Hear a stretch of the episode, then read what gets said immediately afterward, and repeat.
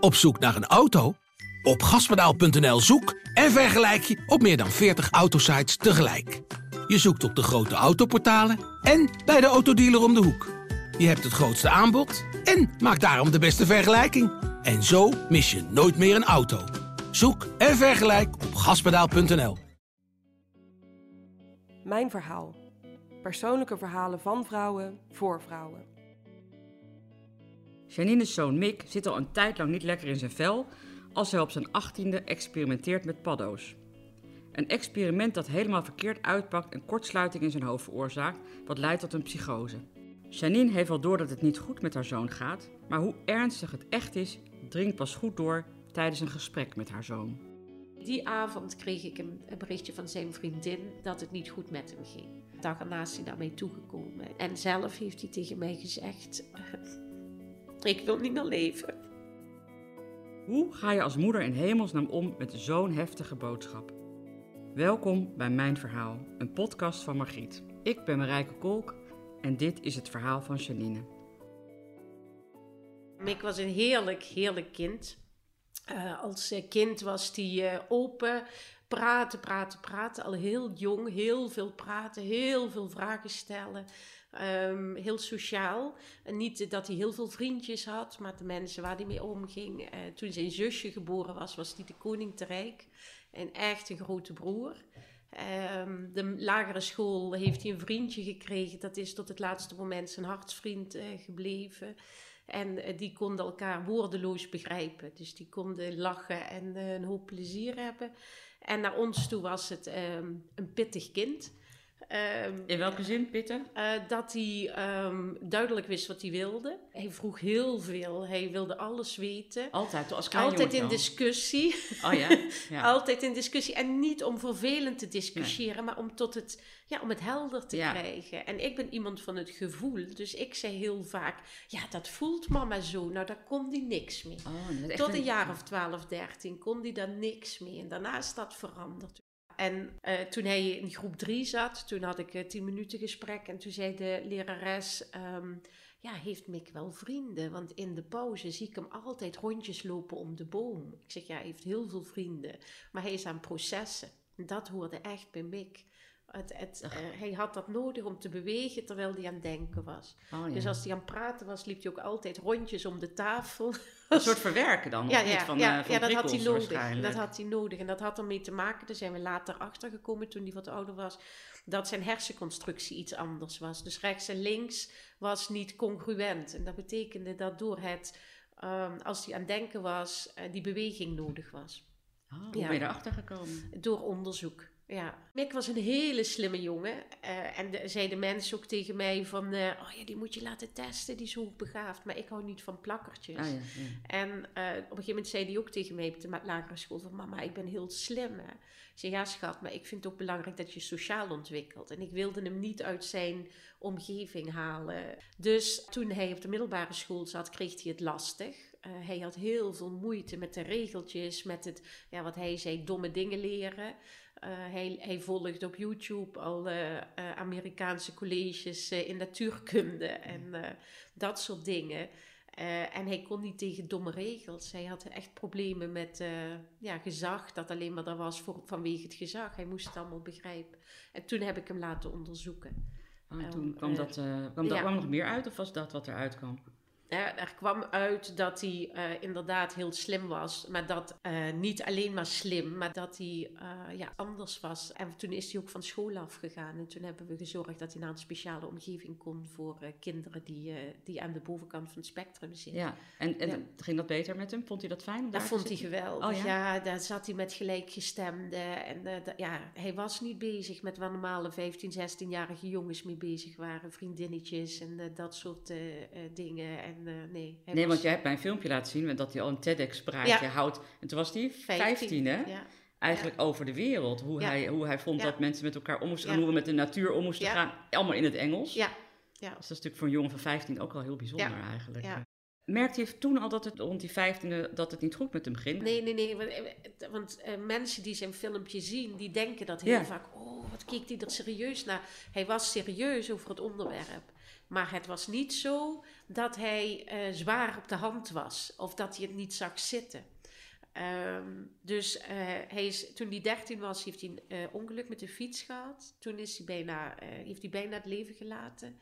Maar daar is hij heel goed uitgekomen, heeft hij niks aan overgehouden. Behalve dat hij zich toen realiseerde: mijn leven kan zomaar voorbij zijn. En dat heeft hem gestimuleerd om nog uitgesprokener te zijn. En om ja, aan te geven: van kijk, leven kan zo voorbij zijn. Ik wil wat betekenen. Net zoals hij in zijn TED ook zegt: hè, ik ben bereid alles te doen.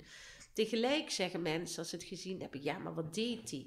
Wat heeft hij dan gedaan? denk ik, potje en door. Het is een jongen van 15 die de vinger op de zere plek legt. Maar hij heeft nog niet de, de middelen en de capaciteit om dat werkelijk om te zetten. Ik weet zeker dat als hij was blijven leven, dat dat gebeurd was. Ik vond het heel inspirerend wat ik zag. En daar gaat ook zo'n praatje toch over, zo'n TEDx. Dat je geïnspireerd wordt om, om wat voor de wereld te betekenen. Precies, en daar spreekt, je, ja, daar spreekt hij ons volwassenen ook heel direct op aan. Zij was wel heel serieus. In daar was hij heel serieus in, maar hij kon tegelijk ook heel veel flauwekul maken. En, dus het was niet alleen maar een serieuze jongen in de, de laatste jaren van zijn leven was hij ook, hè, wat ik zei, dat gevoel kwam terug. Of dat ontwikkelde die, dat kon hij meer in balans brengen. Hij heeft ook een vriendin gekregen toen hij 17 uh, eh, was. Daar was hij ook heel lief voor, uh, heel zorgzaam. En uh, wat er gebeurd is en wat hem veranderd heeft, is een aantal dingen die samen zijn gekomen. Hij was heel um, zorgvuldig met zijn lichaam. Geen alcohol, geen, uh, geen fluor in zijn tandpasta. Want hij alles, zijn hersenen, zijn denken was zijn hobby. Um, en toch was hij ook heel geïnteresseerd. En ook in het onderbewuste. Dus hij heeft geëxperimenteerd met uh, paddo's. En ik wist dat niet. Ik wist wel dat hij alles een jointje had gedaan. Maar daar was hij ook heel bewust mee bezig. Dat had hij ook met me, had, hadden we het over gehad. Maar de combinatie van iets andere hersenconstructie, rond je achttiende verandert er van alles uh, in, in je hersenen. En die drugs, uh, die paddo's, hij was niet verslaafd, maar het echt experiment heeft fout uitgepakt. En heeft gemaakt dat er kortsluiting kwam en dat hij um, ja, psychotisch is geworden. Heeft hij dat ook verteld dat het daarvan kwam? In het begin niet, Um, ik ben in 2017 met de kinderen, want ik was gescheiden, uh, met de kinderen alleen op vakantie geweest. En vlak voordat wij gingen, toen ging het niet goed met hem. En toen hebben we ook gepraat. Maar toen was het vooral, um, ik weet niet wat ik wil worden. Hij, hij eerst wilde hij filosofie gaan studeren. Daarna, en omdat filosofie en wiskunde heel kort bij elkaar ligt. Dus die discussie voerde die ook uh, vaak, hè, van wat was er eerst. Toen zei hij, ik wil uh, een soort coach worden, met name voor jongeren. Uh, toen wist hij het niet meer, vlak voor de zomer. Dus toen heb ik gezegd, schat, weet je, we gaan vakantie vieren, we gaan leuke dingen doen. Uh, laat het los en na de vakantie gaan we terug naar Spirare. Dat is de plek waar hij naartoe ging in plaats van school in Venlo. Daar hebben, kunnen ze dat met je onderzoeken en dan vinden we dat, Wat was dat voor plek? Het is een, een plek voor jongeren uh, die um, ja, aan de bovenkant begaafd zijn. Okay. Toen heeft hij nog wel lastig gehad, even. Maar daarna is ja, een heerlijke vakantie, alles goed. Toen is hij in september weer uh, daar naartoe gegaan. Uh, maar ja, hij kon natuurlijk mij ook ontlopen. Want hij had ook zijn vader. En hij had geen vaste afspraken wanneer dat hij bij mij of bij zijn vader was. En hij kon ook bij zijn vriendin zijn. Dus um, hij, hij zwierf zoals het hem uitkwam. En toen in september, eind september, toen had ik wel zoiets van: hey knul, je gaat niet zo vaak naar Spirare als we afgesproken hebben. We gaan daar samen naartoe. En heb ik daar een gesprek gehad. En toen ontliep hij me weer. Toen heb ik hem daarop aangesproken. En dat vond hij niet leuk. En uh, dan kreeg ik een knuffel. Hij knuffelde zo vaak. En dan zei hij, ach mama. En de dag, uh, die avond kreeg ik een, berichtje van zijn vriendin dat het niet goed met hem ging.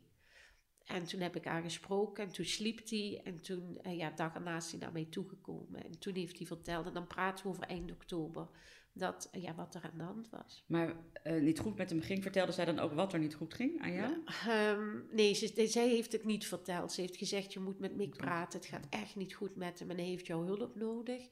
En zelf heeft hij tegen mij gezegd, ik wil niet meer leven. Hmm. Dat, ja. Het moet vreselijk zijn als moeder om te horen. Ja. Ja, dan denk je, wacht even. Maar ik wist ook dat het serieus was. Dat was geen aandachttrekkerij. Dus we hebben daarover gepraat. Hij vond het heel moeilijk om te delen. Maar het was een schok voor jou, die uitspraak in Ja, je ja. leven. Ja. Ja, ja, want weet je, dat, dat je het moeilijk kunt hebben, dat staat van mij heel ver weg. Ik heb dat niet. Maar ik heb wel ja, mensen om mij heen die depressieve gevoelens hebben. En- Dus dat weet ik. Maar van je kind verwacht je dat niet. Nee, er is wel een verschil tussen mama, ik voel me depressief of, of wat hij Ja. tegen je zei. Ja, natuurlijk. en toen heeft hij me uitgelegd wat hij voelde. En dat zijn gedachten met hem op de loop gingen. Dat hij soms gek werd van zijn denken. Dat hij eh, met zijn hoofd tegen de muur sloeg. Dat hij het er bijna uit wilde En kon hij dan uitleggen wat hij dan dacht? Nee, dat heb ik nooit gevraagd. Ik heb nooit precies gevraagd. Die, die vraag heeft mijn dochter mij laatst ook nog gesteld. Maar wat dacht hij dan, mama? En ik, heb, ik ben er geweest. Ik heb alles met hem gedaan, qua hulp, qua alles. Maar ik heb bij hem gelaten wat hij vertelde. Op datzelfde moment dat, dat hij naar mij kwam, heeft zijn vriendin het uitgemaakt. Achteraf hoorde ik dat ze eerst een tijd samen hebben geprobeerd hier eh, doorheen te komen. En dat lukte niet meer. En toen heeft hij gezegd, je moet het mama vertellen. Dat heeft ze gedaan. En eh, toen zijn wij in gesprek gegaan. Ik ben meteen naar de huisarts met hem eh, kunnen gaan. We zijn meteen naar de crisisdienst eh, kunnen gaan.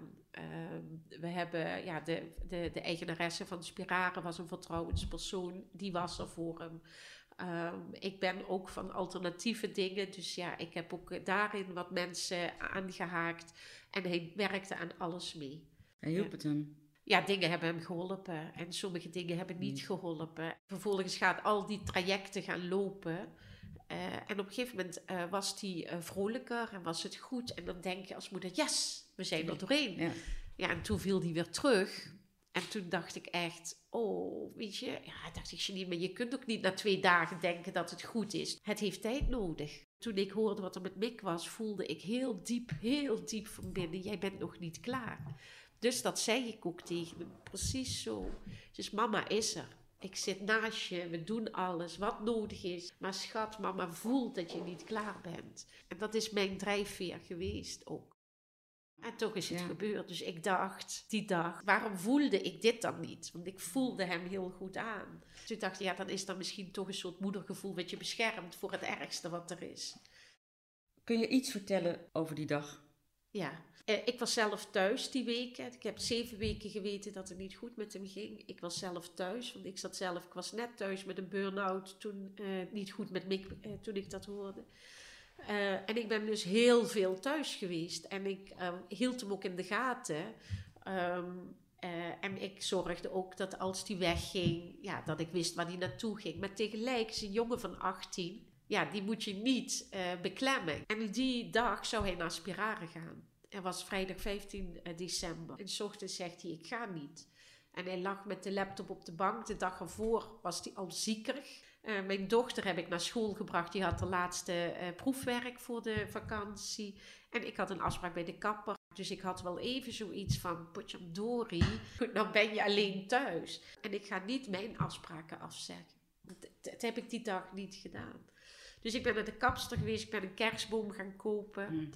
En toen belde die, waar ben je? En wanneer ben je thuis? En toen voelde ik even zoiets van, ik moet naar huis. Dus toen zei ik ook, ik kom naar huis, nu. Hij was nukkig en hij bleef op de bank zitten met zijn laptop. Toen ben ik bij hem gaan zitten, vlak voordat ik wegging. Toen heb ik met hem gepraat. Achteraf heb ik zo'n mooi gesprek gehad. Het was een mooi gesprek, maar achteraf denk je, oh my god, jongen, wat heb jij mij nog verteld en nog meegegeven? Ehm, en ik ben weggegaan. Eh, begin van die week was hij van de crisisdienst naar de jeugd- en adolescentenzorg gegaan. Had hij een intake gehad. En ze zouden ons eind van die week laten weten hoe ze verder ermee gingen. Maar ik maakte me zorgen, want hij had aan het begin van de week aan mij gevraagd eh, of ik helium voor hem wilde bestellen. En eh, ook uitgelegd waarom. Hoe je met helium uit het leven kunt stappen. En ik heb tegen hem gezegd, schat, dat doe ik niet. Ik, help, ik, ik doe alles voor je, maar ik help je niet uit het leven te stappen. Dus als je dat wil, dan moet je het zelf doen. Eh, die dag zouden ze bellen vanuit de GGZ. Maar ik had al eerder tegen zijn vader gezegd... ik vind dat het niet goed gaat, bel met ze. Geef aan dat, dat hij dat doorzet, hè, want hij wilde dat zelf gaan bestellen. En zijn vader heeft pas die ochtend gebeld met de GGZ, dus niet eerder in die week. En um, smiddags belden ze mij op. En toen zeiden ze, uh, we krijgen uw zoon niet te pakken. Um, weet u hoe het met hem is? Ja, ik heb hem achtergelaten, hij zat op de bank. Ja, maar uh, dan bellen wij om half vijf nog even. Ik zeg, je kunt bellen. Ik denk dat hij niet opneemt, omdat hij even geen zin heeft. En dan doet hij dat niet. Uh, hij had mij gevraagd om een afspraak te maken, ook die middag, met de huisarts voor een euthanasiepil.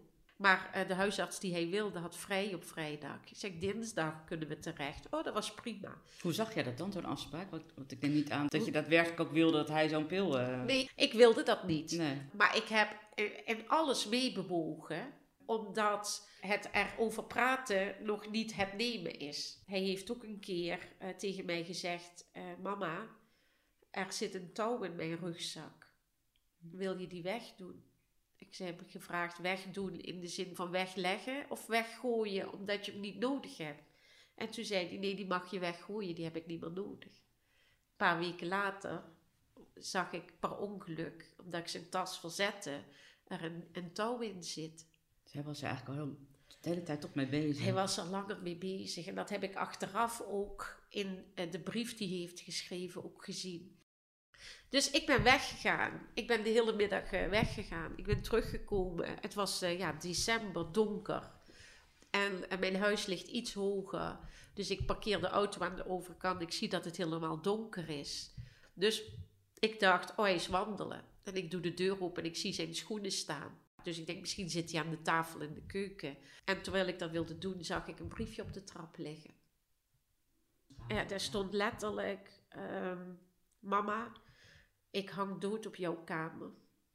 Ga niet naar boven, roep hulp. En mama, ik hou heel veel van je. Gelooft hij het meteen? Nee.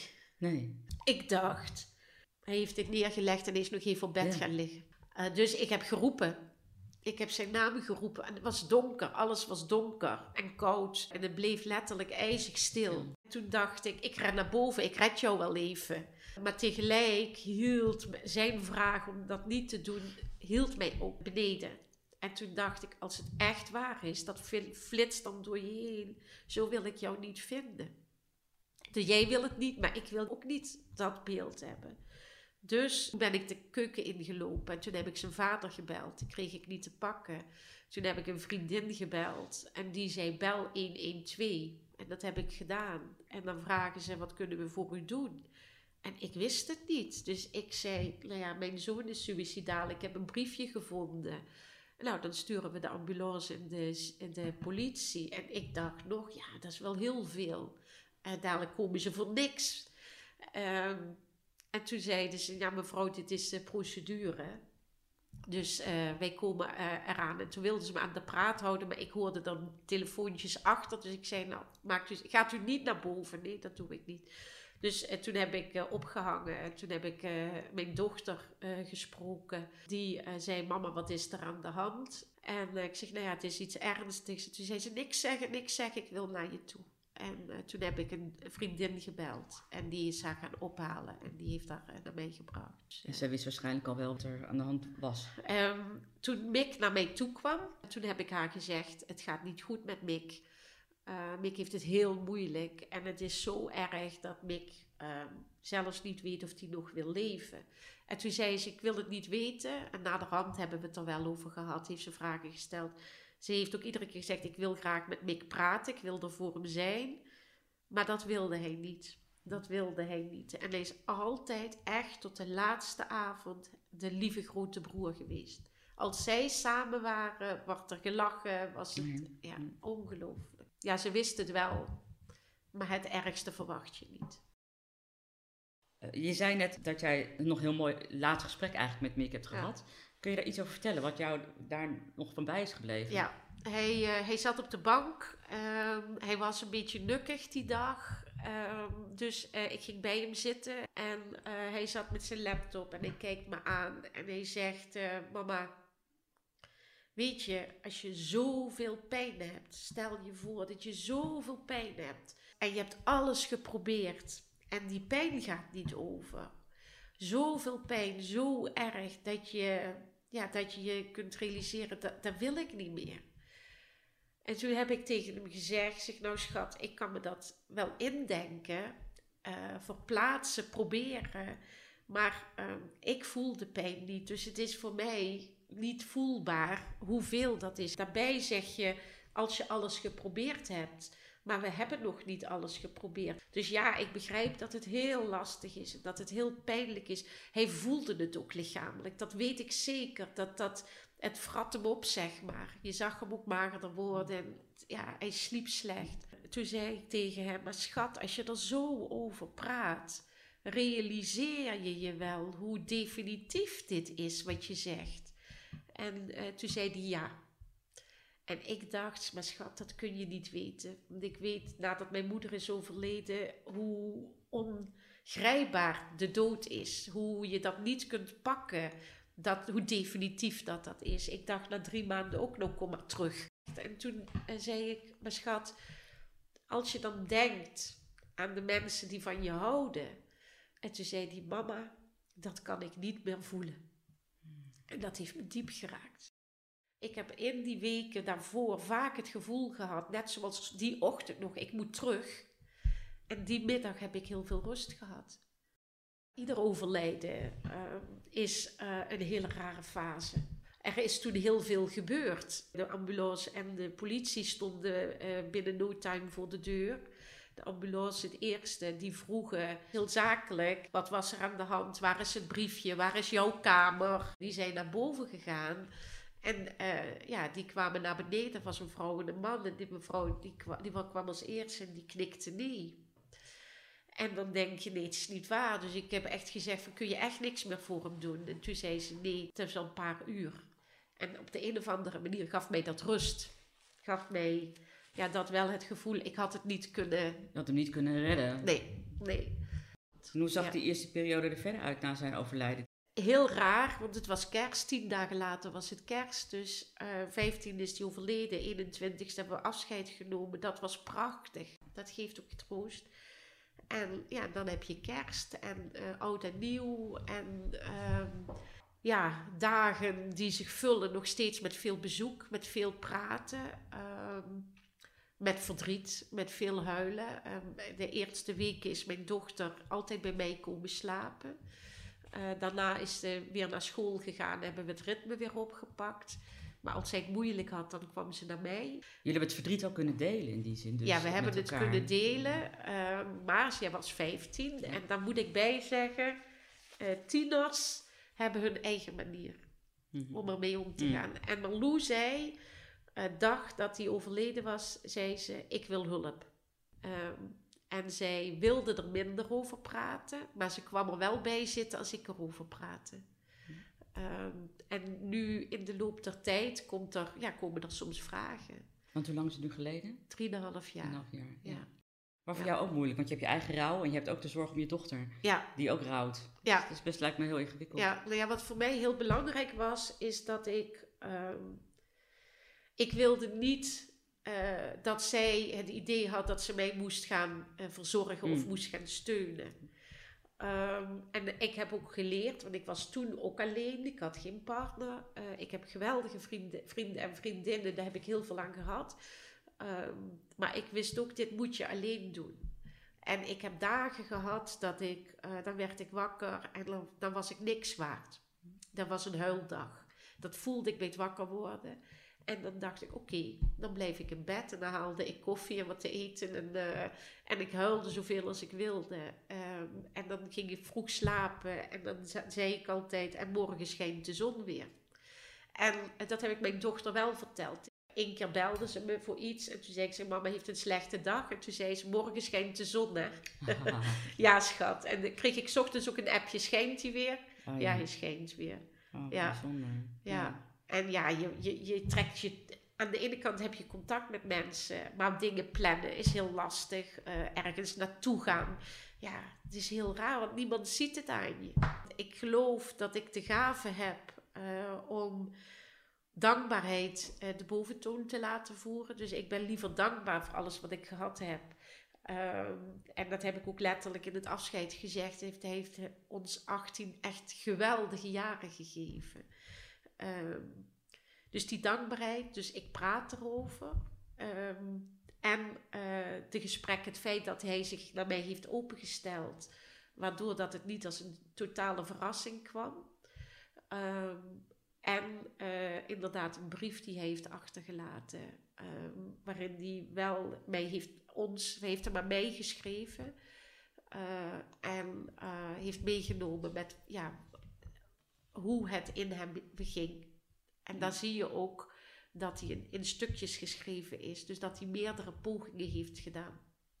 Um, maar niet heeft doorgezet. En je hebt contact met 113, hè? Kan je daar iets over vertellen, over wat je daarvoor doet? Ik ben volgens mij met 113 uh, in contact gekomen omdat zij een onderzoek hebben gedaan naar een suïcide onder jongeren in 2017. Omdat het in één keer een veel hoger aantal was. Uh, toen heb ik gezegd, daar werk ik aan mee. Dus zo wist ik wat 113 deed. Uh, ik moet zeggen dat Jan uh, Mokkenstorm is de oprichter. Zijn doel was dat niemand radeloos en eenzaam uh, hoeft te sterven. Dat vond ik geweldig. Dus toen ik een oproep zag van 113 uh, dat ze ervaringsdeskundigen wilden inzetten, heb ik mij daarvoor opgegeven. Mick heeft daar nooit denk ik contact mee opgenomen zelf, uh, nee. als jij dat weet. Nee. Mick zocht zijn eigen dingen. Ja. Wat Mick deed was, uh, als hij het moeilijk had, dan keek hij naar filmpjes van Eckhart Tolle. Oh ja. Hij belde met de vertrouwenspersoon die hij had bij Spirare. Hij praatte met mij. Dus hij had zijn eigen weg. En nu zet, zet jij je dus ook in, hè, voorlichting en dit gesprek dat wij nu hebben. Is er iets wat jij denkt, wat zou kunnen helpen om te zorgen dat misschien ook jonge mensen zich wat beter in hun vel voelen? Nou ja, ik denk dat het voor jongeren heel erg is wat er nu aan de hand is. Hè. Er wordt heel vaak gezegd, dus ze zitten maar achter een telefoon en achter een laptop. Maar ja, nu moet alles thuis, dus we dwingen ze die kant op. Ik heb altijd gesprekken gevoerd met mijn kinderen. Uh, altijd. Ik ben niks uit de weg gegaan. Um, en daarmee zeg ik niet dat ik alles goed heb gedaan, want ik ben een moeder, dus ik maak uh, fouten net als iedereen. Maar ik denk dat we daar met z'n allen heel veel aan kunnen hebben. Ik heb ook een keer een voorlichting uh, voor leraren gegeven. Praat, vraag door, geef de ruimte, maar oordeel niet. Want ik denk dat dat heel belangrijk is. Alles mag er zijn. Ook als je je rot voelt, mag het er zijn. Juist dan. En uit het onderzoek waar ik aan mee heb gedaan, uh, kwam dat er ook heel veel. Het waren uiteindelijk, uh, waren geloof ik 80 jongeren door zelfdoding uh, uit het leven gestapt in dat jaar. En 35 families of nabestaanden hebben meegewerkt. En het is een heel diverse groep. Pesten, andere seksuele geaardheid, andere etnische achtergrond, drugs. Dus je kunt daar ook niet meteen iets op plakken. Ja, en ik kan alleen maar denken, man, wat, wat zijn ze eenzaam. En heel veel ouders hebben het niet in de gaten. En dat verwijt ik geen ouders. Want als je kind het je niet laat zien, weet je het niet. En uh, hoe gaat het nu met je? Goed. ik heb in het begin de tijd genomen om het er allemaal te laten zijn. Um, ja, wat ik zei, de dankbaarheid, maar ook om te genieten. Ik heb ook tegen Marlou gezegd. Marlou vroeg de dag nadat hij overleden was, kan ik nog gelukkig zijn? En dus heb ik gezegd, schat, ik heb mijn moeder 23 jaar geleden verloren. Ik was heel verdrietig, maar moet je eens zien. Ik heb uh, prachtige dingen gedaan. Het meest mooie is dat ik jullie gekregen heb. Wij gaan zorgen dat jouw leven prachtig wordt. En daar gaan we alles aan doen, want jij mag genieten, jij mag het fijn hebben. En verdriet om Mick heeft ook een plek, maar wij maken er een prachtig leven van. Ik ben gestopt met werken uiteindelijk. Uh, heb even tijd genomen om uh, daarin ook te vinden van wat wil ik nou. Uh, ik heb nu een nieuwe baan, ik heb een nieuwe vriend. Ik ja, heb mijn weg gevonden. En Mick maakt onderdeel uit van mijn leven. Ja. Denk je elke dag aan hem? Ja. Ja. ja. En wat komt er dan voor beeld boven als je aan hem denkt? Ja, dat is heel verschillend. Um, soms, soms heb ik het gevoel dat hij er gewoon is. Dat vind ik heel prettig. Soms uh, schiet me iets te binnen, moet ik lachen. Nu in deze tijd denk ik heel vaak: Oh, kerel, wat zou jij hier nou van gezegd en gevonden hebben? Dat zou ik zo graag eens met hem over gesproken hebben. En soms ben ik intens verdrietig. Ja, ja. en dat mag er dan ook natuurlijk ja. zijn. Ja. ja. Uh, jij hebt mij uh, uh, een rouwkaart laten zien, waar een heel mooi tekstje op staat. Ja. Zou je die willen voorlezen? Ja. Ik weet dat ik dat gevoel van liefde en warmte, dat fijne kinderlijke gevoel dat ik dat ben en dat dat ook in iedereen zit die ik ken. En daarom wil ik dat als mensen mij missen, dat ze gewoon dat gevoel kunnen zijn. Dan zijn we samen. Niet één samen, maar één. Dan ben ik daar. En dat vind ik zo fijn. En niet eens als je me mist, maar als je je alleen voelt, of wat dan ook, voel de liefde, de uitstroom van aardigheid en warmte. Als mensen nog iets voor me kunnen doen, dan is het dat, want ik zou niks anders willen dan dat, alleen ik kan het niet. Worstel jij met zelfmoordgedachten? Praat erover. Neem contact op met 113 via het gratis nummer 0800 0113 of ga naar www.113.nl.